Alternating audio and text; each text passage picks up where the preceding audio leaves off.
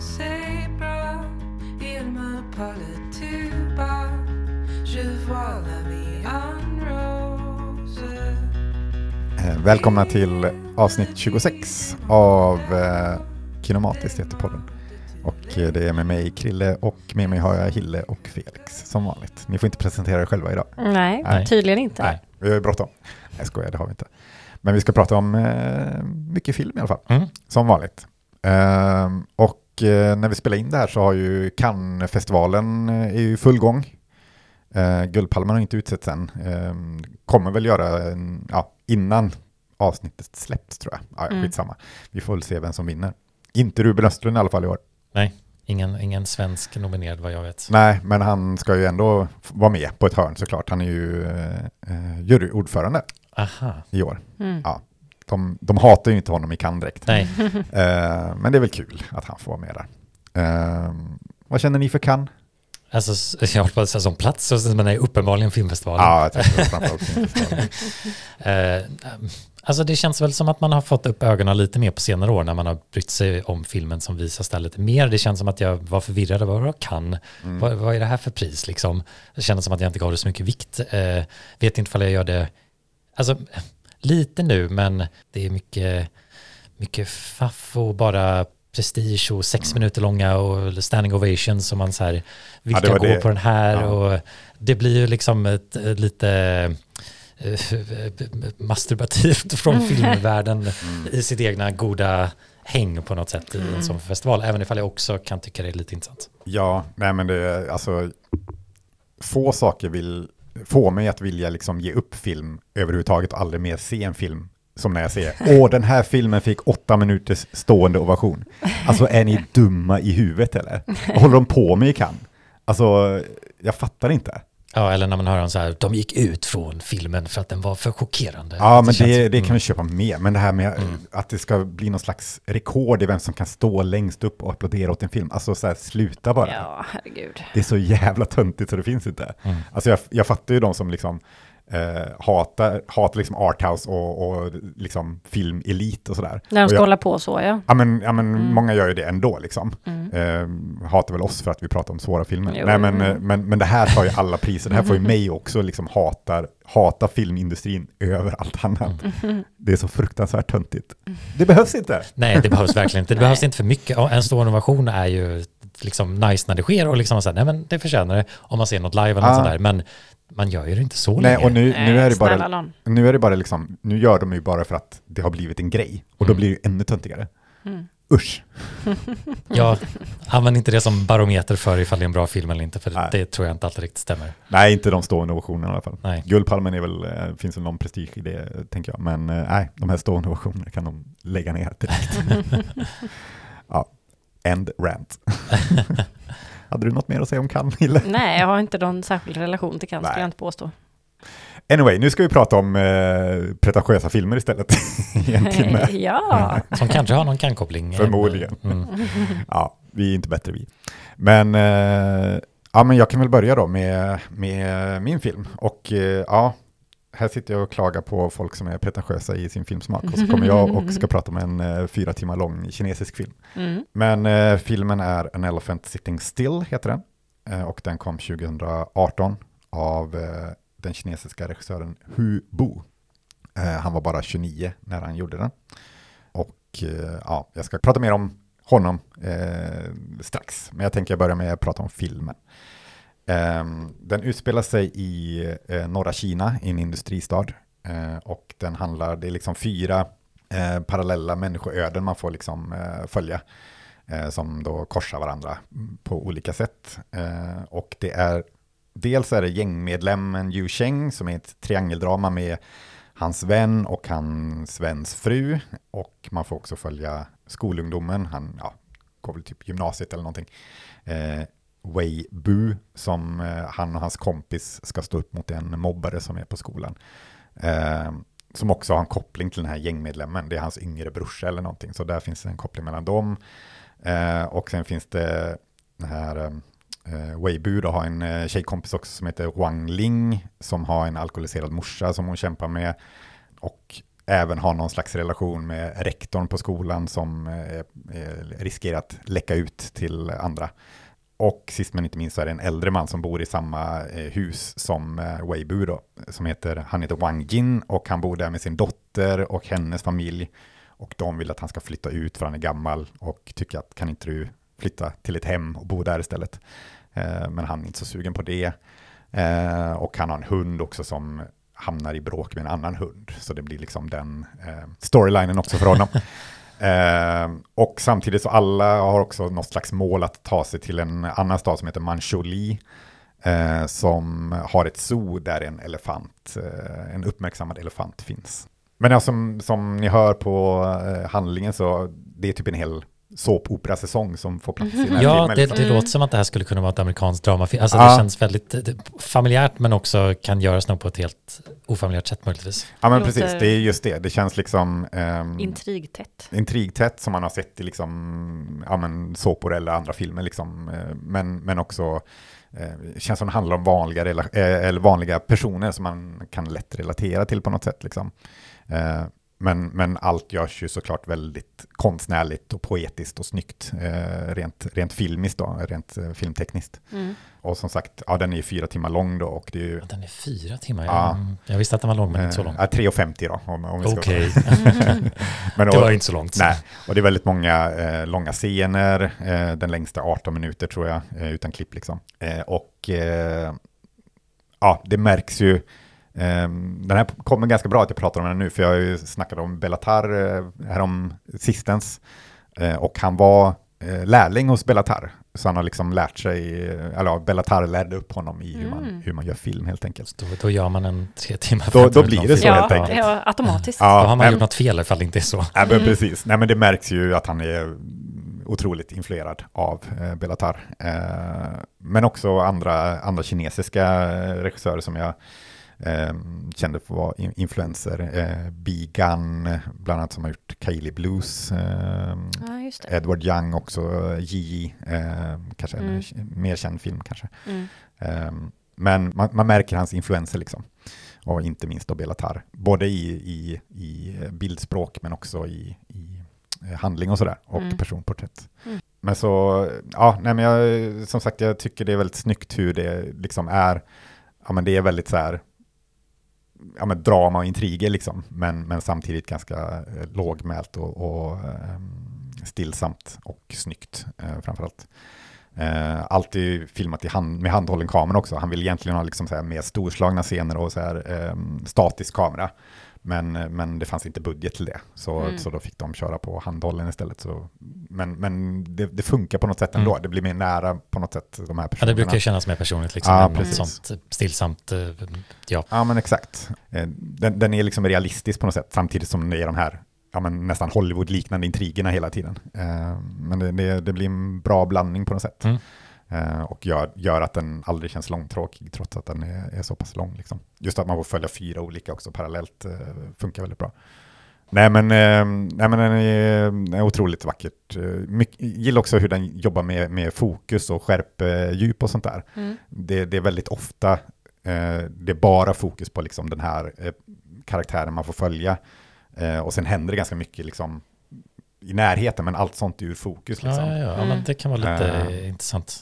Ja, ja, men jag tycker de gjorde det väldigt, väldigt snyggt och väldigt liksom, eh, konsekvent. Och det blev också mer att nu är vi med den här personen. Liksom. Eh, det som händer runt omkring har stor del i, i hans liv, men det är just det är den här personen vi ska Mm. fokusera på. Mm. Eh, så det, så det, det var ett väldigt snyggt grepp som jag, jag tycker, ehm, ja, man har väl sett liknande, men det var så, så liksom konsekvent genom hela filmen. Ehm, och man märkte liksom, när, när olika karaktärer korsades, alltså när de mötte varandra, Ja, det var det liksom, jag så gick, precis tänkte fråga Ja. vad de gjorde. då, då, då liksom, ja, men gick fokuset, det kändes som så här, okej nu, den här scenen är den här den viktiga, så då går fokuset över till den här Mm. av de huvudpersonerna. Liksom. Mm. Ja, men det är intressant hur, eh, eller när bildspråket får styra fokusen på ett subtilt men också ganska tydligt sätt, liksom, snarare än att man klipper eller Mm. ja, byter perspektiv. Liksom. Ja men exakt, Eh, just att det är så långa tagningar hela tiden också så blir det att ja, man, Att får, det- man får visa det Mm. på ett annat sätt. Och det så. tillåter det liksom. Mm. Ehm, ja, nej men ehm, väldigt bra film som sagt, men jag känner att jag måste också prata lite om regissören, för det här var ju hans debutfilm och hans sista film. Eh, för eh, när han var klar med filmen och ja, innan den hade gått, börjat visas egentligen och gått upp på festivaler så eh, tog han sitt eh, eget liv. Eh, och det här berodde eh, till stor del på eh, pressen under film, alltså när han skapade filmen och eh, konflikt han hade med, med producenten. Ehm, för ehm, ja, han, han liksom eh, åkte runt på festivaler innan med manuset och försökte få, det, få liksom uppbackning på det. Då. Eh, och då var det någon producent som eh, ja, tog det och ville göra film av den. Men sen blev det väldigt, han hade väldigt svårt att liksom få kreativ, få som han ville. Frihet. Ja, Ja. ja, kreativ frihet men, liksom i eh, Som filmen. man brukar ofta höra om sådana historier, men det här Precis, låter... så det var ju schism hela vägen liksom och eh, droppen blev väl tydligen att, eh, eller säger hans nära då, att eh, det som liksom fick, eh, ja, sista droppen var väl att han producenten och ville att, ja men du får klippa ner den här till, den får vara max två timmar. Och liksom han har ju, hans vision då är ju Mm, han har liksom gjort film, liksom. den som Ja. att den skulle vara nästan fyra timmar. Precis, Mm. Så det blev ju liksom, ja det blev för mycket den pressen helt enkelt. Och jag, jag, tror, jag tror att det finns en liksom två timmars version någonstans, men det blev ju sen den här fyra timmars versionen som, eh, som har gått upp på festivaler och sen blivit liksom den versionen som Ja. finns. Mm. Ehm, och han producentens namn har ju tagits bort från filmen också. Ehm, så det, det är ju en väldigt, uh, väldigt, väldigt tragisk bakgrund bakom Ja, filmen. verkligen. Mm. Alltså, man brukar höra om sådana problem liknande, Ja, men ja, inte på gud, den här ja. fronten eller Nej. till den här nivån. Liksom. Så Mm. nej, det Precis. är tungt. Nej, för han, producenten tänkte väl, ja, jag vet inte, han kanske läste manuset och såg den här liksom intrigtäta eh, och tänkte att det här är ingen konstfilm, Mm. liksom. det här är ju, och ville väl bara tjäna pengar på den liksom. Eh, och jag hade en, ja, uppenbarligen en helt annan syn på filmen än vad, vad regissören hade. Ja, det låter ju som det. Ehm, Men, men man kan tänka också när man är kanske oberoende och ska sälja sin film att man kanske inte... Svårt att hamna i ett bra arbetskontext kanske alltid med de Mm. producenterna man får tag på, liksom, Ja, ifall det är men en liksom, independent film. Liksom. Ja, precis. Nej, så det är ju, det är ju eh, väldigt tragiskt, men det, det skänker någon slags dimension till filmen också ytterligare. Ehm, den, den är ju liksom unisont hyllad. Jag, det, det är inte bara för att alltså, den här tragiska bakgrundsstoryn, det är ju en bra film i grunden också.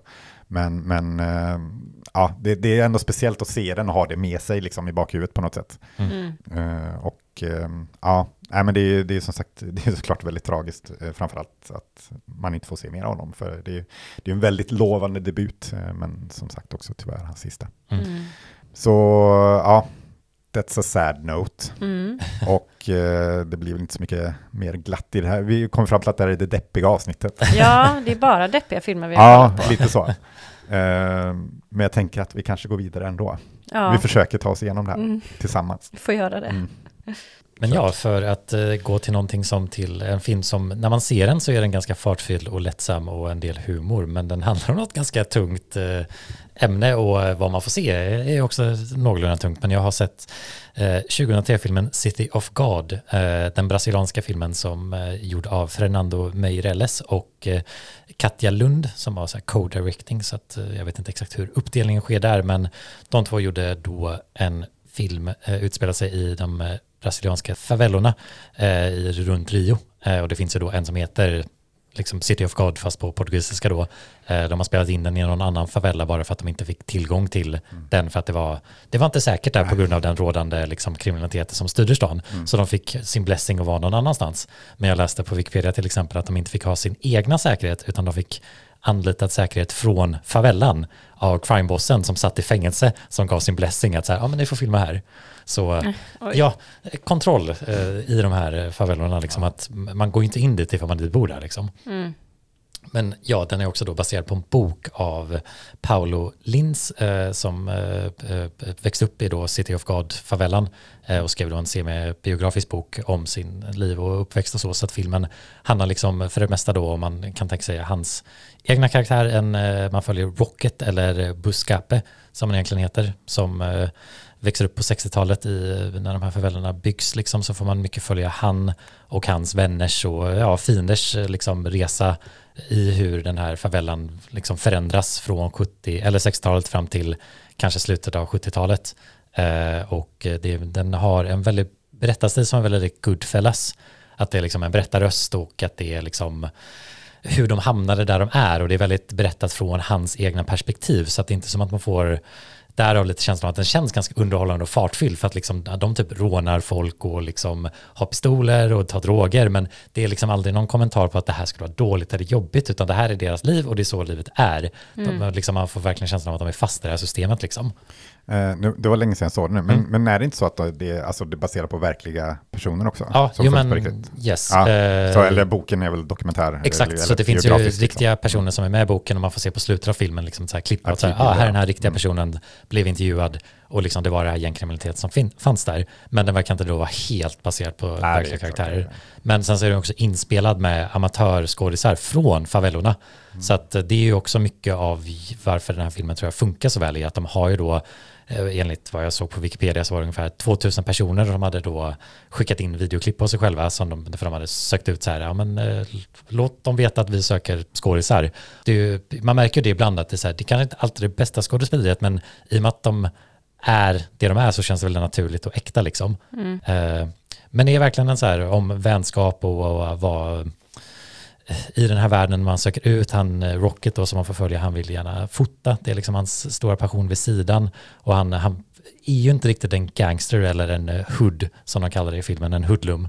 Uh, och går ju aldrig riktigt in i drogvärlden liksom, men det är ju det som kommer sen till dem för de börjar med att råna folk uh, men det blir mer och mer droger via att kokainet kommer till Rio och det blir ja, en, en business kring det. Så att känslan blir lite så här Goodfellas, den här kriminaliteten av de här vänskaperna, hur det fortgår och kanske inte alltid går bra Nej. för dem.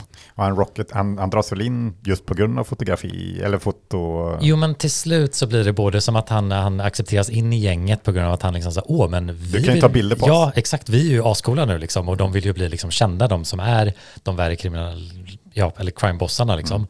Eh, men det är ju, han jobbar ju också då sen till slut för en, eh, ja, han, han slänger ut tidningar liksom, Mm. men jobbar lite, blir vän med de som är i fotorummet liksom, för det är hans passion där. Så han har ju en unik tillgång till att fota de här, för det är ju ingen annan journalist som får komma in dit, men han bor ju där. Mm. Så blir också lite den här, det blir också en exploatering av Rocket för att han bor ju där, men han sätter ju typ sitt liv i risk för att fota de här personerna. Så det finns alltid någon så här dubbelkänsla över att det här som händer är ganska fucked up, men det presenteras på ett sätt som att liksom, det är bara så det är. Liksom.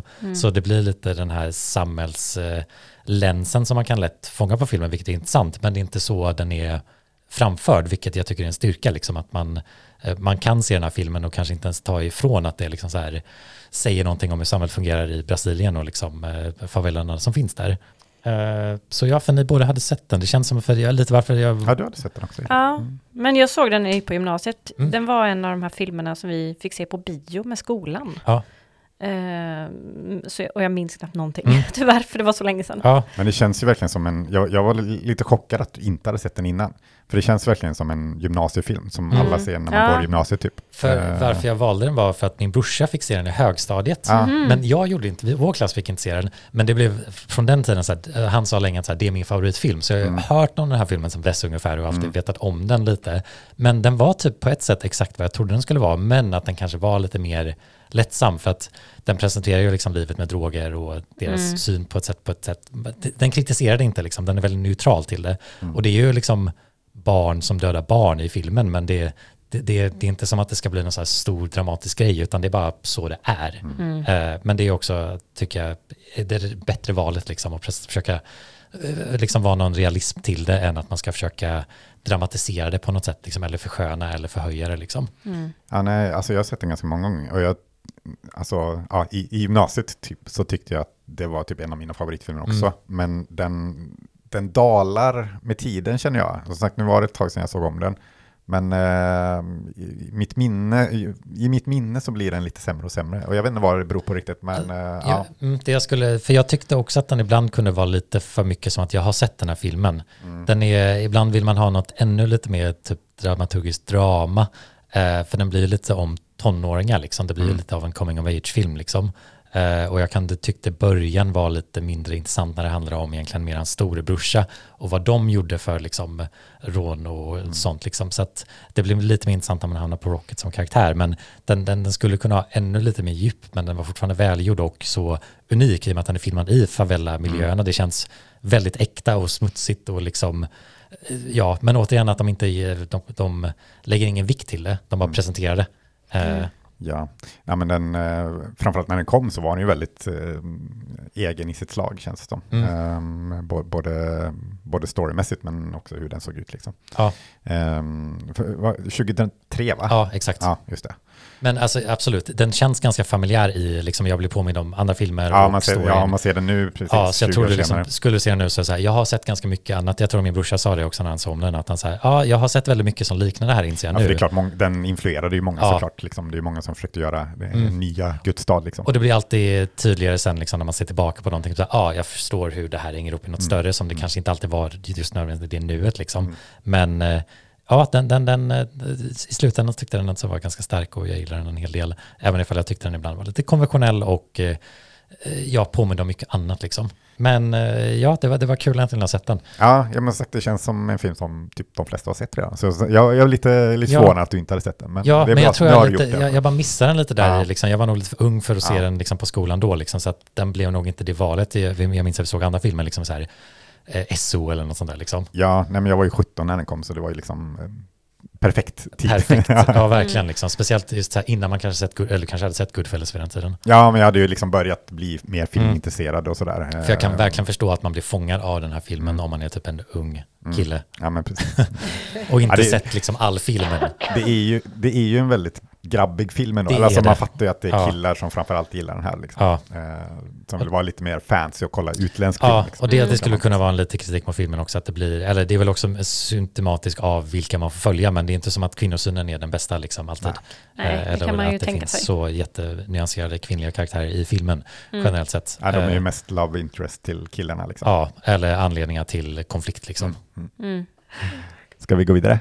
Ja, ehm, jag har sett en film som heter Family Life från 71 av Ken eh, Loach. Loach? Ja, Ken Loach. Loach. Loach. Mm. Jag man var, jag var sugen på att se en av hans filmer. Som Papa Roach. Ja. fast Papa Ken Roach. jag. ja, Mm. det är en bra minnesgrej. Ja. Papa Loach. Papa Loach. Måste, det har något med sjö eller, jag tänker bara på lock. Ja, jag tänker också på det. Ja, fast man säger Loach. det. Det var därför jag tänkte att det var Loach. Mm. Men det, han är inte från Skottland eller? Jag tror inte det. Han Nej. är väl su- superengelsk, Mm. tänker jag. Ja. Eh, ja, men den handlar i alla fall om eh, 19-åriga Janice som bor eh, hemma hos sina föräldrar. Och eh, hon har väldigt svårt att behålla något jobb. Hon verkar känna sig ganska omotiverad och instängd kan man väl säga. Och hon blir gravid och hennes föräldrar tvinga henne att göra abort. För de är liksom extremt eh, ja, kontrollerande och traditionella och liksom verkligen så här, ah, nej, du kan inte få barn som ogift, det skulle bring shame to the family och så vidare.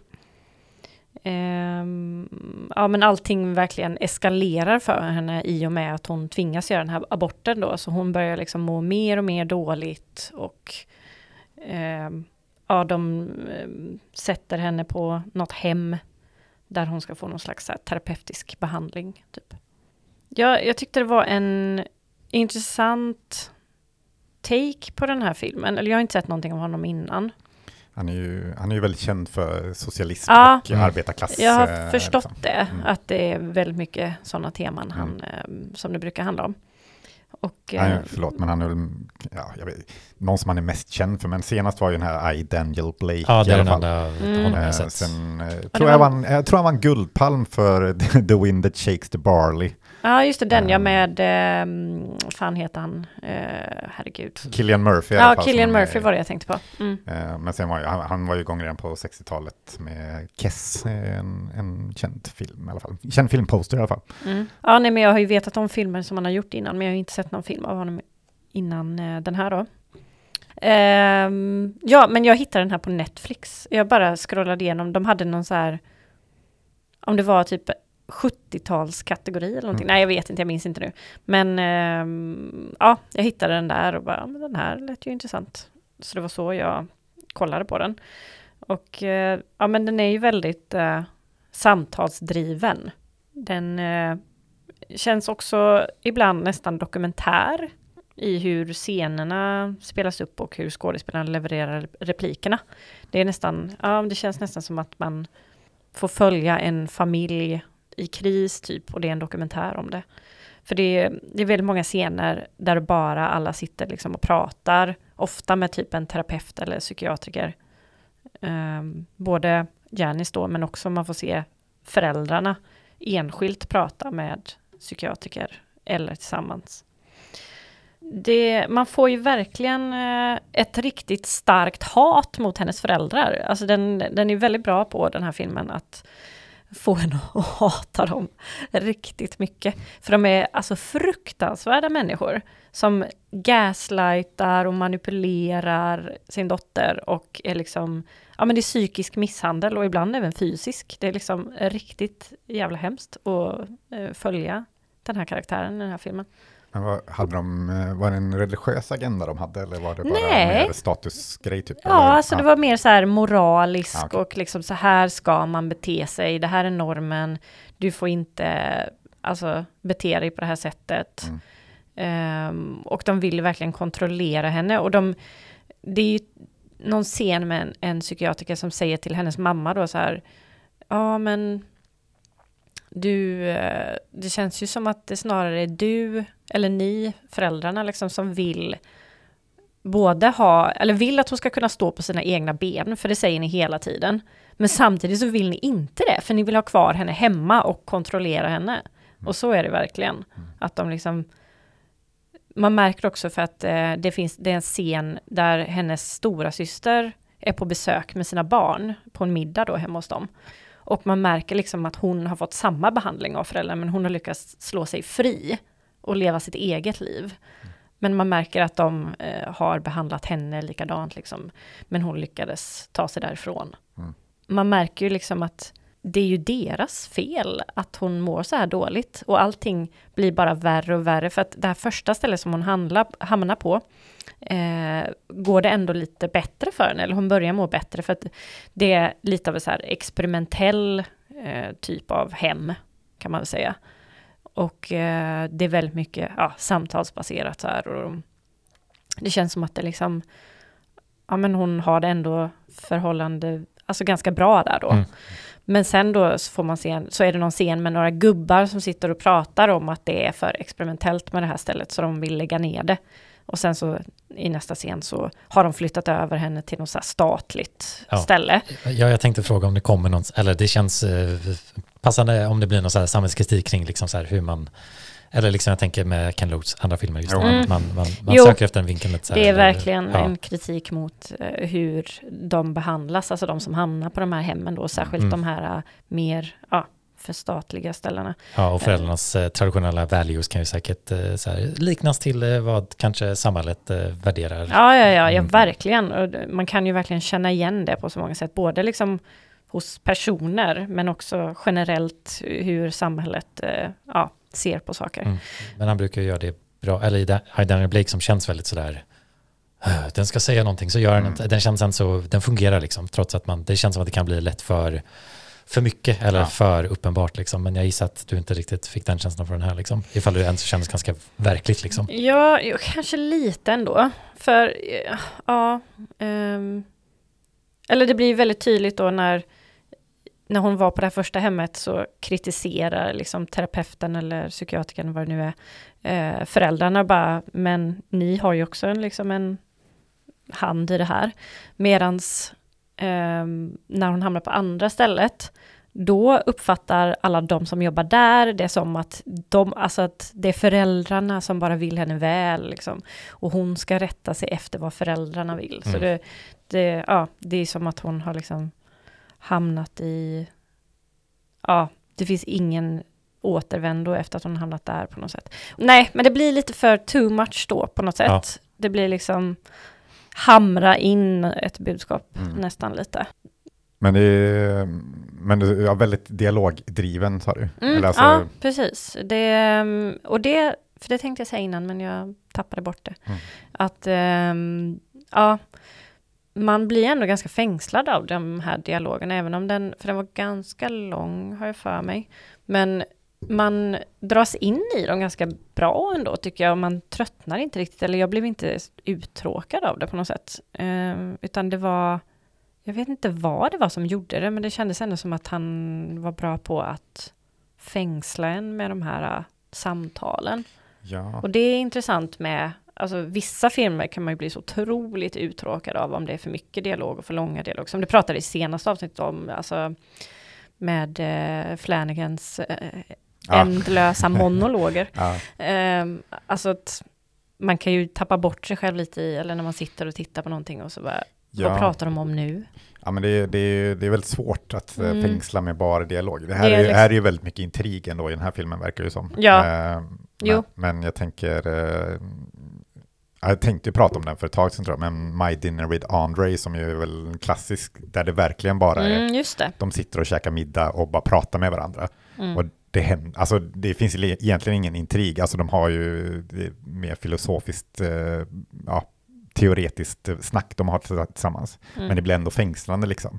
Och det är, ja, men det är verkligen, hela filmen är bara på den restaurangen och de bara sitter och pratar. Men det funkar ändå på något sätt. Mm. Och det är väldigt fascinerande med filmer som sagt som, som lyckas, Ja, lyckas med det. det känns som att det är en fin linje där ändå. Ja, verkligen. Det, det kan ju lätt bli att ja, men de pratar bara. Det händer ingenting. Mm, ja, Mm. exakt. Men, eh, men ibland eh, funkar det. Eh, Men det är intressant att net, det finns en del alltså, ja, men äldre film, bra filmer av liksom ändå kända regissörer på Netflix. Ja. De är dolda där i- någonstans i liksom, avgrunden. Exakt. Ja, Men ja, för att eh, jag märkte det då när jag såg den så fanns det flera nya kategorier som jag inte sett innan och de har blivit bättre på att ta fram. Men det kanske, alltså såklart så baseras ju det på vad vi tittar på Mm. Netflix också, så det alla kommer väl kanske inte se eh, här är franska filmer från eh, mellan 20 och 60-talet. Nej, alltså exakt. det kommer inte komma upp för alla. Men det är ändå nice att se att det liksom det går att hitta. Träna er algoritm Ja. och Ja. se Och det- Family Matters. ja, eh, Family life. Family Life, ja. ja, men det, är- alltså, det är klart, det är inte, det är inte, det är inte Family Life som Netflix säljer subscriptions med. Alltså det är Nej. inte de de skyltar med såklart. Nej. Men det är, det är fint ändå att de finns där någonstans. Ja. Man kan hitta dem. Exakt. Du är inte riktigt nöjd har jag hört. Nej, vet du Lennart, jag tycker det är tråkigt. Det, är inte roligt det här. Vi är snart uppe i 700. Roligt och roligt. Du vet mycket väl att vi måste komma upp i tusen. Du menar det Lennart? Ja. Då går vi in på eh, avsnittets huvudfilm. Eh, och det är eh, som sagt eh, svenskt igen. Och vi pratar om Roy Anderssons, eh, jag vill alltid säga debut, det känns som en debut, men det är det ju verkligen inte. Nej, Eh, men det känns ändå på det. ja, Än- på något ändå sätt. som det. Mm. eh, men det är i alla fall hans film från år 2000, Sånger från andra våningen. Mm. Ehm, ja, vad vill säga om det? Jag kan ju säga för Roy Andersson debuterade ju med En kärlekshistoria som ju är helt annorlunda jämfört med Ja. hans senare filmer. Verkligen Som helt annorlunda. debut av den här stilen som han hade väl i sina... Ja, jag tror han var lite inne på den i, I hans kort- andra film. Gilliap Okej. eh, också, och Mm. kortfilmer som han Mm. gjorde däremellan också. Ehm, så, men men ehm, ja, det känns som det var med den här som det blev liksom satt, eh, att det är så här Mm. jag gör filmer nu. Är det någon som vill ge sig på en handling? Det känns svårt alltså. Ja, det Nej, man känns kan, ju- ju... det, men det känns som att man oftare läser så här att det, det, det, det, det är vignetter man får se Precis. genomgående och det Mm. finns väl en form av en huvudkaraktär genom den här Kalle som Mm. är den här möbelförsäljaren som man möter när han har eh, snabbt får man reda på brun, eller tuttat eld på sin affär för att få försäkringspengarna. Mm. Så han går ju runt i den här filmen helt sotig från den här branden. Mm. Eh, och eh, p- p- ja, är ju en, lite av en tragisk karaktär eh, kan Ja. man säga. Men det är ju mycket, det är ju karaktärer som relaterar till honom och sådana som inte gör det. Som Mm. man Ja, får det är ju se hans, hans två söner, den ena har skrivit dikter så han blivit tokig i huvudet och Ja. ligger, på psyket. Och eh, hans andra då som är eh, li, lite småalkad med, med trasslig relation till sin fru typ. Mm. Eh, det, är väl, eh, det är väl de som ändå är någon slags röd tråd i filmen. Ja, lite Mm. den, den trion där liksom. Precis. Eh, Även ifall jag tror jag läste precis in, att det tog typ 15 minuter innan man får Ja. träffa Kalle liksom som karaktär. Eh, som, eh, så att den, den lägger ju upp en annan värld innan och det känns ju som att den, den vill liksom framföra det här händer i staden liksom också. Ja, precis. Etablera Ja, det det här, här är liksom- universumet mm. eller den här staden. Samhället liksom. liksom. Mm. Eh, Det, det här är ju bör, första delen i en trilogi också då, som eh, följs av Du levande och En duva satt på en gren och funderade på tillvaron. Eh, och det är väl först i tredje filmen som det står eh, sista delen i trilogin om att vara människa. Mm. Eh, och det är ju liksom, det är ju det det handlar om, Ja, eh, att vara människa. Eller alltså, ja, hur är det att vara människa? Sen gör ju Roy Andersson på ett väldigt surrealistiskt eh, sätt. mm. Ehm, Bisarrt och- Bisarrt, absurt, men också mixat med banaliteten av vardagslivet liksom. Mm. Ja men verkligen. Eh, och allt är grått. Ja, och beige. Ja, Och man har Deppigt lik... och dammigt. eh, Dammigt ja. Mm. Ja, man har också vitmålade ansikten eller liksom Mm. så Alla är blir... bleka. Ja. Ja, Allting är extra liksom. ja jo, det här var ju första Roy. Andersson-filmen jag har sett, men det var ju så här, ja men det är exakt så här jag har tänkt mig att de ska se ut, för man har bara plockat upp bilder och liksom eh, foton från eh, ja, filmvärlden när man har läst om saker Mm. och ting. Mm. Den är uppbyggd på, eh, nu kommer jag inte ihåg exakt hur många, men ett antal liksom eh, stilla scener. Mm. Eh, alltså det är bara, kameran rörs en gång under hela filmen, men annars är det bara liksom, eh, ja, ja men vignetter liksom med, de sätter upp en scen, någonting händer i den scenen och sen går man vidare till nästa eh, scen liksom. Men det är, ju, det är ju verkligen en film som har lagt tid åt den här vyn. Det är ju väldigt eh, uttänkt liksom, perspektiv och eh, bara hur produktionen av alltså, miljöerna och eh, bakgrunderna, Scenografin. mm, scenografin ja. ja. tack, eh, känns väldigt uttänkt och teatralisk i sin natur liksom, men också eh, handgjord, eller liksom det, det känns det ju Mm. inte så här massa CGI eller blue screen eller sånt där, utan det känns som att effekterna är också lite snarare äkta än eh, Mm. eh, Det liksom, känns ju som tillgjorda. ett rejält hantverk. Mm. Liksom. Ja, Mm. och det är ju, det är ju gjort näst, nästan allt. Nu vet jag inte hur stor del i första filmen, men i stort sett allt är ju, även utescener är ju inspelade i hans studio då.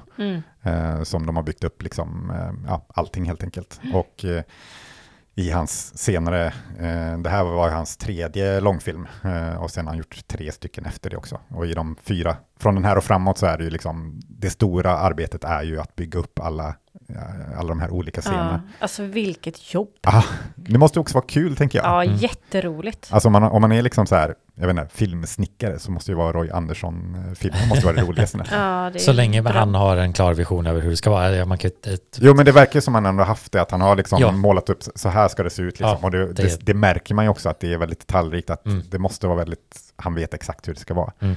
Ehm, men det gör ju också att eh, även ifall det är stillsamma bilder så är det ju väldigt mycket intressant som händer. Det är mycket i Mm. bakgrunden som sker också som man kan liksom få tid att titta in på. Liksom att man, det är inte snabba klipp, eh, eftersom Nej. vi sa om att det, det, man, man Mm. spenderar tid i de här miljöerna som gör att man får uppskatta liksom, eh, inramningar och eh, kompositioner och liknande. Liksom. Så att eh, den, den är ju engagerande på det sättet för att den är väldigt visuellt slående. mm, ja men väldigt, väldigt detaljrik liksom. Och, eh, ja, men det, det blir ju levande målningar på något sätt, det såg, Ja, jag, såg jag, jag har skrivits lite här och var. Men det, det är ju Mm. verkligen levande målningar. Ja. Verkligen. Barry Tab- Lyndon och- Tablå, vi- tablå. Men, men på ett nästan ännu mer, alltså, ehm, Ja, i och med att Barry Berlin Lyndon känns, så väldigt influerad, ja. Ja. känns också väldigt influerad av målningar. Det här är Mm. målningar, fast de rör sig och Mm. ja, pratar. men typ. precis. Eh, och det, det gör det ju till en väldigt unik film. Eller ja, sen gjorde han ju flera liknande då, men, men hans stil är väldigt unik i alla fall. Ja, och kulisserna, alltså scenografin, det känns liksom så äkta på något sätt. Eller man kan köpa att det är den här staden, men samtidigt så ser man ju att det är kulisser. Mm. Så det, men de är gjorda på så bra sätt att, ja, jag vet inte riktigt hur man ska beskriva det, men det är liksom... Och det känns också så här, lite distinkt svenskt också. Alltså, Ja, ja, men jag har typ varit i ett sånt kök, ish, liksom. Jag bara Mm. känner igen de där knapparna lite, men jag har inte riktigt varit i det. Det blir lite... Väldigt landstings Ja. eh, väntrum, eller liksom, Mm, alltså mm. sådana vibbar får man ju av det också. Ja, men också just hur de liksom fått till alltså, perfekt smuts på tapeten och sånt. Liksom. Alltså, exakt, är det tänkte jag också på. Det är sådana små grejer som gör att, ja visst att de har byggt upp det här bara för den här fem minuters scenen, men men Ja, det det, ser inte det ser verkligen ut. ut som någon Ja. har bott där i Mm. 40 år. Ja, Liksom. det är det jag menar, men alltså det är så alltså, otroligt välgjorda kulisser, Mm. att eh, man köper det verkligen. Ja, liksom det arbetet som man snarare, jag vill location scouta för att hitta någonting som ser ut så här från början, Mm. liksom. men Mm. här blir det, nej, vi gör jobbet Ja, själva. gör en liksom. bild hur det ska se ut, nu bygger vi upp det bara. Mm. Eh, Och ja, nej, det, det är Helt otroligt otroligt imponerande, måste man ju säga. Mm. Ehm, En ja, sak som jag gillar lite med filmen, bara för att gå in i lite dialogen och Mm. texterna, är att det, det känns som att han, han upprepar väldigt mycket, karaktärer upprepar sig ofta. Ja, Så att de här liksom, teserna och en, emfaset kring vad som ska kännas viktigt, det sägs igen liksom, men det, Mm. det är också som att det får lite olika betydelse beroende på karaktären och vilka han är runt om. Ja, för det, det är som återkommer också senare i trilogin. I, i Du levande så pratar, pratar de hela tiden att ja, det är ingen som förstår mig. Eh, och i den sista, eh, en, en duva så... eh, Telefon. Ja, telefon. eh, Jo, jag sa att det är kul att höra att ni har det bra, säger de hela tiden i filmen också. Mm. Men, men jag, alltså, när man ser det i många filmer så bara, men vad dåligt skrivet, de säger ju samma, alltså de återanvänder liksom samma sak hela tiden. Men när man tänker efter, alltså folk är ju sån, Ja, man säger ju samma sak. Det var liksom. det jag tänkte säga också, att det känns väldigt äkta. Mm. För att det här har man ju liksom varit med om själv. Alltså folk som, eller man kan höra någon kompis som berättar, återberättar samma sak som de nyss hade sagt Ja, och till en gör ju själv. det eller, själv och man gör det liksom. själv också, Mm. eller typ kollegor som Ja. man hör säga samma sak för femte gången. Man, man söker liksom ibland den reaktionen och får man inte den man vill ha så då går man vidare till ja, nästa. ja, men exakt. Det, ja, det, kändes, det känns väldigt äkta. Ja, för det blir ju väldigt, och man går till det temat av att vara mänskligt så här, ja men jag vill göra mig förstådd, Mm. men du förstod mig inte precis nu, ja jag får väl testa igen då med någon annan, så Mm. säger man, alltså det är svårt att blicka den reflektionen tillbaka till en själv, så det känns verkligen som att den här kalla karaktären liksom, inte så liksom, han har inte så mycket självinsikt kanske riktigt. Men också, Mm. också något med den generationen känns det som. Ja, alltså, Det tänkte jag också på. Mm. Mm. Det känns väldigt generationsbaserat på något Ja. sätt. Ja, för hans ena son känns ju mycket mer kännande och liksom mer eh, kan förstå att den andra sonens liksom depression kring att han har blivit förvirrad av de här Mm. dikterna liksom. Ja, nej, men det, det, det, det är kul att han, som sagt, den är väldigt surrealistisk, men, men ändå så pass liksom någonstans relaterbar och, Ja. och, och eh, realistisk Det- liksom. Det är så, det är så märkligt för att det, det är liksom, allting är ju väldigt konstigt och konstruerat. Mm. Det kan man inte säga något annat. Nej. Men samtidigt så är det jätterelaterbart och man kan liksom tänka, ja men de här personerna finns i verkligheten. Mm. Alltså det här har man hört, det här har man sett. Det är också mycket att det är amatörer, alltså alla är ju amatörer, mer eller mindre. Vissa har, har väl någorlunda skådespelarkarriär, men det är, ju- det är ju Mm. inga kända skådespelare med liksom. Vilket känns väldigt skönt tycker Ja. jag. Jag tror man skulle lägga för mycket vikt på hur kanske en känd skådis skulle säga de här, liksom, det skulle stjäla fokuset liksom. Ja, ja men jag tror, jag tror, jag tror liksom en, en, en skolad skådespelare hade haft svårt att leverera på, på samma sätt som Mm. behövs för just den här filmen i alla fall. Ja. Ehm, så, så det är ju det är ett smart drag Mm. eh, och effektfullt drag. Ja, Ja, och, jag, jag, ja och jag tänker just, det blir ju en del humor eller svart komedi. Ja, det är ju liksom. väldigt, den är ju väldigt tragikomisk. Mm. Ja, och ja, ja det, det är exakt det här Men också- följer liksom. Men också mycket humor i hur de levererar sina repliker Mm. och liksom den här tafattigheten bland nästan alla karaktärer. Ja. finns, liksom. Den här personen som man får se i början som missar en dag av jobbet och så blir han sparkad efter att han har jobbat här i f- 14 år liksom Mm. och sen så liksom hänger han på liksom chefens ben medan alla liksom öppnar en liten dörr och tittar på liksom. Ja, Mm. ja, det är mycket dråpliga scener. Ja, Ja. det är nästan, alltså de skulle ju kunna vara liksom en seriestripp liksom. Ja, och den här magiken, eller han som blir, ska, Ja. de ska såga itu eh, tricket, men råkar såga itu honom i stort Mm. sett. Ja. Eh, det, är, det är också bara Aj, så här en aj, dråplig aj. scen. Ja, och det är typ allt en skådis får säga liksom så här, aj, aj, oj, oj, oj. Aj, aj, aj.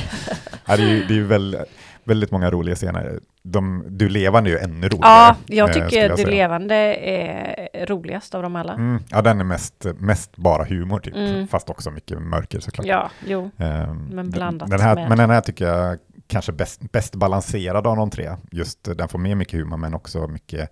Den känns mer enhetlig på något sätt. Mm, Första tycker jag. ja, Den ehm, känns ju också som den kom lite rätt i tiden, så här 2000-talet, kanske efter liksom 90-talets eh, liksom, eh, nedgång ekonomiskt liksom, på något Mm. sätt. Och kanske, eh, ja, om man går till det politiska känns det som att man kan få ut, ut mycket av det här utifrån tiden den gjordes Ja. också. jag, jag vet inte hur, hur mycket Roy Andersson tänkte på det, om det blev någon slags eh, moteffekt mot eh, den danska Dogma-filmen också. Mm. Eh, där det ju verkligen är så här, eh, det ska inte vara något artificiellt, allt ska vara liksom normalt och vanligt liksom. Och så Mm. kommer han bara, nej jag ska bygga upp alla scener. Och det ska vara statisk kamera och det ska liksom vara, allt ska vara konstigt. Mm. Typ. Ja. Ehm, så, så på något sätt, eftersom Dogman var ju liksom störst, största på mitten 90-talet liksom. Ehm, så kanske att det finns någon slags motreaktion från Mm. Roy Andersson. Mm. Jag vet Mm. inte. Sen hade han ju varit inne på den här stilen tidigare också såklart. Ehm, och det är ju roligt, för de flesta har ju ändå sett Roy Andersson någon gång. För han gjorde ju mycket reklamfilmer. Mm. Eftersom han hade ju väldigt svårt att finansiera sina filmer så, så gjorde han ju reklam. De mest, eller den mest klassiska är väl de här ketchup-reklamerna som han gjorde. Eh, någon som, eh, ja, de hade en ny flaska som var upp och ner och så sitter, jag tror det är någon av de som är med i hans filmer som sitter bara, vad är det här för ny? Och så ja, gnäller han, men det är verkligen den här stilen liksom jag tror det är ett, en av scenerna från Om det är du levande också, Mm. eh, som, som liksom, de filmar i det köket och så ja, är det en typisk Roy Andersson eh, Ja, jag ringer en vagklocka Film, nu när liksom. du Ja, säger det här. mm. Ja. Ehm, Så man, alltså, man kan kolla upp Roy Andersson-reklamen, han har gjort jättemycket reklamfilmer eh, som Mm. alla är i den stilen. Och det är så lustigt att, Mm. Att, att, att det finns. Ja. Eller att liksom- tänka på det. ja, men inte så här, okej nu ska jag göra en reklamfilm men, eh, bara för att få in pengar. Men, men han bara, okej, jag ska göra en reklamfilm, men, men jag ska göra den på mitt sätt. Ja, så att det är ja, en Roy. Andersson-kortfilm. Liksom. Ja. Eh, det är väldigt kul. Eh, och de, de, de tycker jag kan vara värt att kolla upp. Jag tror de finns på hans hemsida väldigt många. Mm. Eh, att man kan se dem. Men, men så jag, tror, jag tror de flesta ändå har kommit eh, i kontakt med stilen någon gång eh, Mm. på tv. Ja. Framförallt Och annars tänker jag att många ändå, som du sa, har en bild av vad det är. Alltså man, Man har sett förväntar ett sig. filmomslag, man har sett en bild, han har vunnit många Guldbaggar och det känns som att varje gång han har släppt en film sen så har det blivit lite så här upp på tapeten i liksom Mm. svensk kulturnyheter liksom. Mm. Eh, så att, och det- det är ju så en igenkännbar stil liksom, så att när Ja. filmen börjar bara, ja men det ser ut som jag trodde att det skulle göra liksom. Mm. Det var inte en överraskande även ifall det var slående och jag tycker också, inte att vi går in kanske på vad som hände, men bara rent visuellt, slutscenerna väldigt starka liksom och Mm. eh, också får in ett lite ännu starkare poet, att man så här man vet inte riktigt vad man känner men det, det känns väldigt slående och det känns Mm. mindre humor där Mm. liksom. Mm. Men samtidigt också lite humor. Ja, jo, jo, jo, det, det Nej, får det- rymmas alltid liksom. Det är väl bara för att jag tyckte det var så roligt att eh, ganska tidigt i filmen så får man ju se någon som står och rotar i sopor och så kommer sonen där och så har de någon liten interaktion den här, ja, med den här Mm, gubben på gatan. typ. Ja. Ehm, och så typ slår han i någonting så att det liksom låter, Klangar, ja. ja, Mm. klangar. Och då är det massa råttor som, ja. som flyr Mm, ifrån mm. soporna. Eh, och jag bara tyckte det var så roligt, för i sista scenen där så gör han ju, Kalle då, något högt ljud. Eller han slänger väl ja, ett krucifix eller vad Mm. det nu är. Och så bara, och då är det massa människor som bara kommer upp från ingenstans, från marken Mm. och bara springer iväg. Och jag antar att de, jag vet inte om de ska föreställa att vara en del av de här döda människorna då eller någonting, jag vet inte. Men det är bara så rolig scen. Okej, man har ja, jag tolkar nog, för mig blir det inte humoristisk utan mer så här, åh, liksom. Ja, typ så. Men jag, men jag, tyckte det var jättekul. Det var Ja. så här, de bara alltså, dök upp från ingenstans och blev skrämda och bara, så, så här, bara sprang iväg. Mm. Och, ja, jag bara drog parallell, paralleller till den med råttorna då. Mm, För råttorna är väldigt eh, charmiga. Ja, ja, på jul. Mm. Inga äkta råttor. Men det, det kan man ju, nu när du nämnde de eh, döda människorna, eh, ungefär halvvägs in i filmen eh, så börjar ju eh, Kalle förföljas av dels en av hans gamla kollegor, va? Mm, men något sånt, Någon ja. som man någon, kände i alla Ja, fall. precis. Mm. Eh, som tog livet av sig. Mm. Kanske på grund av Kalle var, inblandad på något sätt. Ja, han hade lånat pengar och Just inte betalat tillbaka dem. Mm. Så, och, och även eh, andra döda människor som inte har någon direkt koppling till Kalle, men som börjar liksom, mm, ja, följa efter honom Mm. helt enkelt. Och det är väl någon slags, eh, eller ja, de visar hans, eh, eller den skuld som människor bär på. Ja, och det är väl en mer personlig till Kalle och sen så en kanske för alla för att den här Ja. andra döda har väl lite koppling till förintelsen. Liksom. Precis, Mm. precis. Ehm, och, och, men överlag så är det ju väldigt mycket symbolism i filmen. Ja, absolut. Eh, som Och- både kanske kan bli för mycket ibland och eh, jag kan förstå att den kan avskräcka många, men det är också så här man vill dechiffrera alla scener Mm. på något sätt och så här, vad betyder det här? Det känns ju som Gud och kristendomen spelar en roll i den här filmen också. Mm. Med, du nämnde ju krucifix spelar en, används ju liksom som ett prop liksom, mycket Mm. i filmen. Eh, men jag kan hålla med om att det jag kanske tyckte var lite med filmen att det känns så här, det kunde bli lite mycket så här, människan, Mm. vad är det den betyder, den här varelsen som finns? eh, Mm. Och att det blev lite för grandiöst i sitt mullrande tänk och att det är liksom så här, nu ska vi hitta svaren liksom, men Mm. att det, det, den är inte så personlig, även ifall den är väldigt personlig. Mm. Jag tänkte, eller när du nämnde det här med generation innan, att Kalle liksom verkligen känns som en... en Boomer. Ja, ja, ja, men lätt beskrivet så. Ja. Eh, men eh, enkelt beskrivet. Men för det tänkte jag också på, alltså parallellen mellan den och Family Life då. Mm. Alltså att de föräldrarna i den filmen kändes väldigt del av sin generation och väldigt bestämd i hur det ska vara och allt annat känns läskigt och eh, farligt typ. Och det är ju lite den känslan man får av Kalle också, att Mm. han, eh, ja, om man läser dikter så, så blir man liksom hjärntvättad och man blir deprimerad och ja, blir tokig som man Mm. säger, liksom, att han har så snäv bild av Ja, men det är väl också just att han inte kan, han kan inte förstå. Nej. Att man inte kan prata. Precis. Eller alltså att man slutar prata. Och Vad det är det känns, för någonting? Liksom? det, det, är väl bara att skärpa till sig. Ja. Alltså det känns väldigt mycket den generationen på något sätt. Men jag gillar ju också de surrealistiska bitarna, liksom de här, ja, men den här offerscenen som är mot slutet som egentligen inte har något med filmen att göra. Alltså inte med Kalle och dem Nej. att göra i alla fall. Men, Nej, just det. Ja, den här ättestupa... Ja, men precis. Mm. Eh, Ja, jag gillar hur den är, men det är också just att den är som en, blir som en målning. Den Det står är så här väldigt konst, snygg, ja. konstiga präster där. Alltså det är väldigt Och mycket. äh, användningen av eh, liksom extra person, alltså att det är liksom Ja, så en statister. mängd statister. ja, tack. det är jättemånga Ja, människor med. Fast det är inte så många människor med tror jag. Jag tror det är bara dockor som är där längst borta ifrån. Ja, okej. Eh, Ja, okej. så- Ja. Men man luras av det. Liksom. Ja. Mm. Ehm, eh, och det, ja, det har vi varit inne på redan med just hur de, hur de bygger upp scenerna. Att det är Mm. sådana många små detaljer som... Ja, eller just hur de har tri- trixat Ja, med scenbyggen Och det är ju styrkan av att ha en kamera på en vinkel, att du kan Mm. verkligen göra allt med bilden då, liksom, ur det här perspektivet. Liksom. Mm, Det tillåter ju mer kontroll och eh, specifik uttryck och han är väldigt bra på att utnyttja det. Liksom. ja, Även ifall man måste inte, jag tänker på typ Osos filmer som också är så här stillastående, Mm. lite simplare, Mm. Mycket effektfulla, men det är kul att se någon som använder det som en målare, att så här, ja men okej, med den här rutan, vad gör vi då liksom? ja, men precis. Ehm, ja, men det är ju den, för den scenen innan den också är ju när den är något så här sammanträde och så börjar de så här och huset rör sig. Ja, Och så springer de och kollar på huset och samtidigt sitter någon så här eh, spådam liknande Mm. som och har skickat runt sin kristallkula som alla kollar på.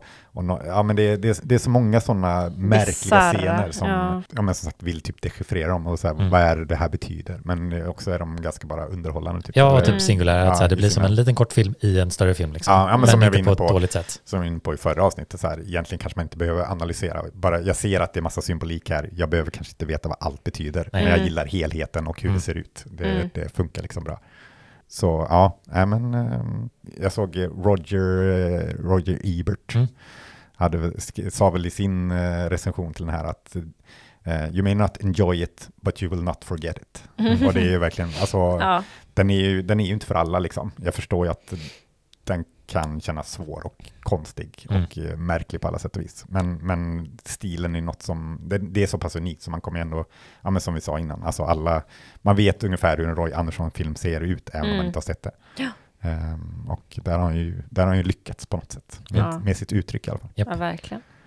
Ja, och som sagt, ja, Du levande tycker jag håller nästan lika hög klass som eh, Mm. Sången från en Ja, jag tycker kanske näst, ja, eller jag tycker nog ungefär lika mycket om dem. Ja, Nästan lite mer Du levande bara Ja. för att den är roligare. Sen tycker jag inte, alltså jag tycker att eh, den tredje är betydligt sämre ja den är faktiskt. svagare, Jag den tycker är inte mer om den. ojämn framförallt. Ja, och också lite märkliga val ibland av scener tycker Mm, jag. mm, absolut. Men, men ja, Blir du sugen på att se de andra?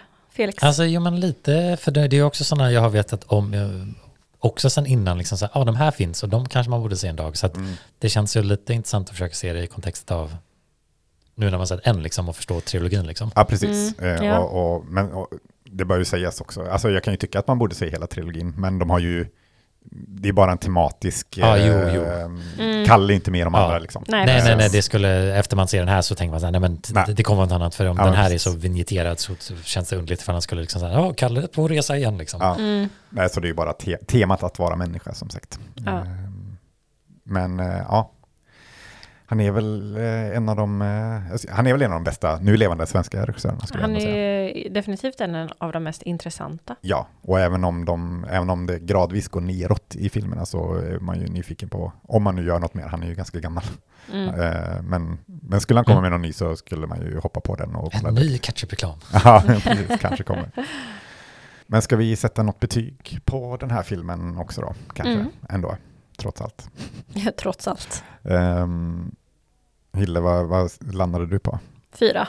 Mm. Det har jag haft alltid, tänkte jag säga. Ända sedan jag såg den. Ända sedan du föddes? Ända sedan jag såg den 2005 eller 6 eller när det nu var. Ja, jag, jag insåg att det här är nog en av dem jag, eller en av filmerna jag har sett flest gånger, Ja, alltså i wow. vuxen ålder. Mhm. Jag har sett den väldigt många gånger. Men du är också en sån som inte ser om filmer så ofta för du, ser, Nej, det känns, de, du prioriterar att se något du inte har sett Men- generellt sett. Ja, men kanske lite oft mer, Mm. oftare förut att jag såg om filmer. Liksom.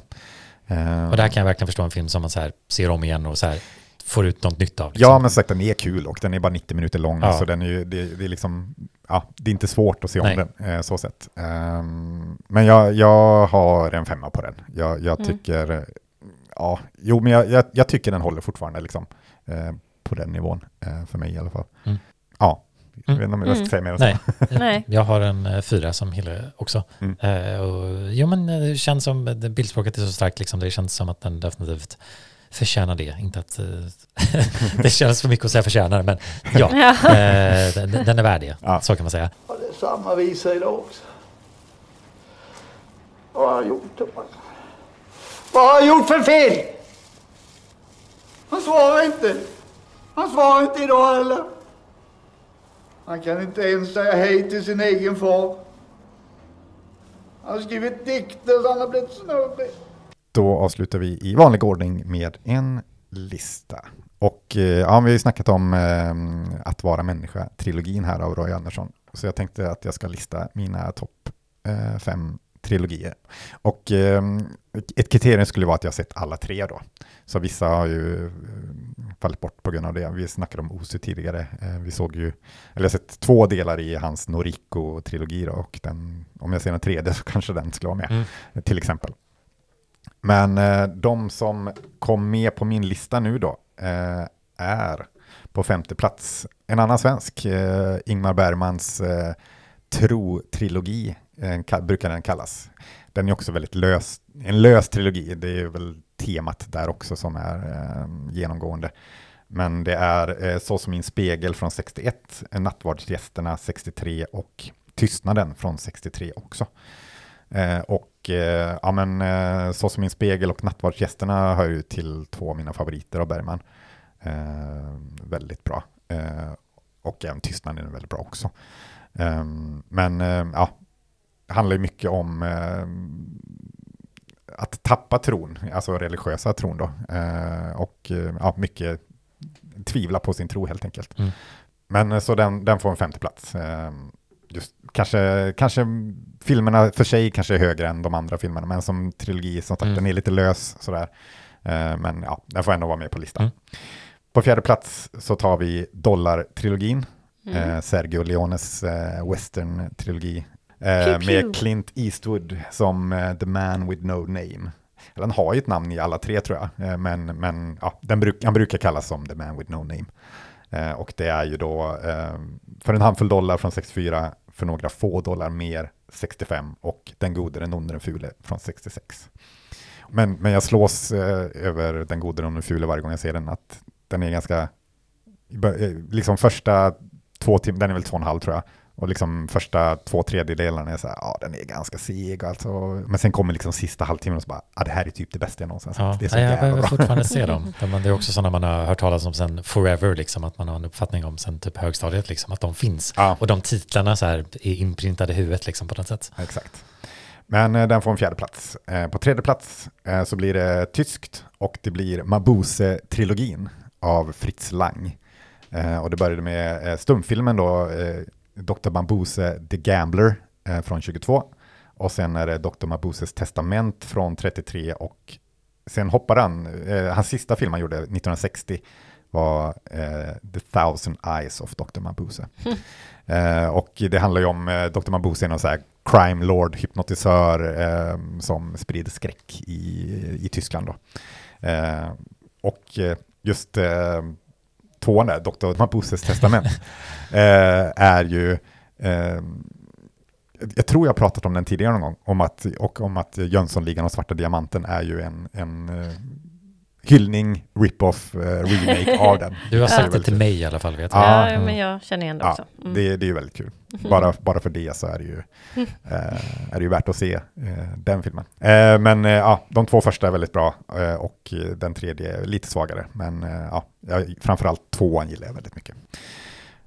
Men på andra plats så är det Krzysztof Kieslowskis eh, Trikoloren, eller Ja. Three Colors. Jag tänkte väl det. Och den är ju också kanske, den är ju mer en tematisk eh, trilogi också, men jag gillar ju alltså att göra en film baserad på den franska flaggan och Frankrike, li- liksom. Eller Ja. franska flaggan och Frankrikes motto med, med Liberté. ja, precis, frihet, brödraskap och och eh, jämlikhet. Mm. Ehm, och där är väl också, det är den blå filmen då, och den röda och den vita filmen. Eh, de kom 93 och 94. Ehm, och, Men det är lite eh, också invert, liksom vilken som är bäst. Eller jag vet inte vilken du gillar. ah, jag, Blåa tycker jag är bäst. är Ja. klart bästa. Ja. Eh, Så blir det oj. Ja, precis, precis. Och sen eh, röda är näst bäst och sen vita Mm. tycker jag är Ja, svagast. håller jag också med. Eh, men, men ja, bara liksom hur, hur han har gjort, dels med färgerna och att, alltså färgskalan i filmerna Mm. och eh, ja, bara han har fått ihop allting är väldigt eh, skickligt och Mm. eh, gör det till en väldigt bra trilogi. Ja, verkligen. Ehm, men på första plats eh, så är det eh, Linklaters Before-trilogi Mm. eh, med Before Sunrise, Before Sunset och Before Midnight. Och alltså, säga vad man vill om filmerna, men bara liksom konceptet att göra en film 95 då som första kom eh, och sen vänta nio år till nästa film och den utspelar sig då nio år efter när de möts igen, de här karaktärerna, Med samma skådisar. med samma skådisar. Och sen vänta en ytterligare nio till tredje filmen. Mm. När de, när man ser, så man får ju liksom göra nedslag i deras liv med nio års mellanrum. Mm. Ja. I verklig tid. I liksom. verk, både i verklig Mm. tid men också karaktärens tid. Och det, Mm. ja, det, är- det, är, så jävla skickligt och jag älskar ju framförallt de två första, tycker Mm. jag är riktigt jävla bra. Ehm, och ja, nej men, och de, är, de känns så på riktigt de här karaktärerna också, just för att man, man kan fylla i de här nio åren som har hänt emellan. Liksom. Man, man, får, man får en stark bild av de här karaktärerna, även fast man Mm. inte har fått sett de här nio åren som är emellan. Men man, märk, man märker att de har, liksom, de har levt de här nio åren. Eh, för de är så, känns så starkt förankrade Mm. med sina karaktärer. De var ju med och skrev dialog Exakt. och karaktärerna också. Ja, Eh, Julie Delpy och eh, Ethan, Hawke. Mm. Ehm, så, så det blir så, alltså det blir så på riktigt alltihop. Ehm, och ja, just, just därför så gör det, för mig blir det den bästa ja det, finns, det är svårt att hitta kanske en annan trilogi som är så bunden och behöva vara tillsammans. Mm. Liksom, Som är mer en trilogi än det här är en trilogi på något Mm, sätt. mm. För den är ju verkligen en trilogi. Ja men exakt. Och, Ja. ja. jag, jag, jag har svårt att se hur någon skulle kunna toppa den egentligen. Mm. Just, just i, i, alltså enskilda filmer absolut finns bättre, men, men just som trilogi så Mm. funkar den så väldigt bra. Men eh, det var min lista i alla fall. Mm. Eh, och då är det väl egentligen bara att prata om eh, nästa avsnitt, vad vi ska prata om då.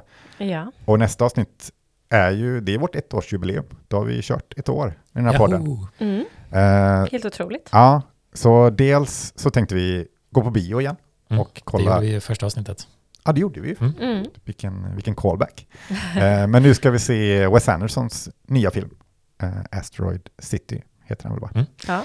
Eh, och vi tänker väl att de övriga filmerna vi ska prata om eh, ska ni få bestämma, eh, ni lyssnare. Mm. Vi kommer lägga upp eh, någon slags eh, story på Instagram där ni kan eh, ge förslag på vad vi ska prata om. Vill ni också, ni får gärna skriva om, om ni tycker att Felix ska prata om just eh, den, någon viss film, så skriv gärna det. Men eh, följ oss på Instagram och håll koll där på efter, eh, efter den här, ja, inte omröstning, men eh, Förslag. frågelådan. Ja. Eh, eller bara skicka ett eh, DM. Men så vi, vi, vi tar gärna in förslag och sen får vi se vad, vilka vi väljer, Mm. eh, vilka vi blir intresserade av. Men, eh, men kom med förslag på vilka tre filmer vi ska titta på, utöver Asteroid City då, Mm. som blir huvudfilmen. Men eh, ja, men vi avslutar med en låt såklart. Eh, och det blir en sång från andra våningen. Det blir Susanne Vega med My name is Luca. Eh, I live on the second floor. Eh, Såklart. Såklart. Vad kan man ha annars? Ja. Det måste ju bli den. Så den kommer här och eh, så firar vi ett år nästa avsnitt. Woohoo! Yahoo! Och vi säger hej då. Hej då! Hej då. My name is Luca. I live on the second floor. I live upstairs from you. Yes, I think you've seen me there's something late at night, some kind of troublesome.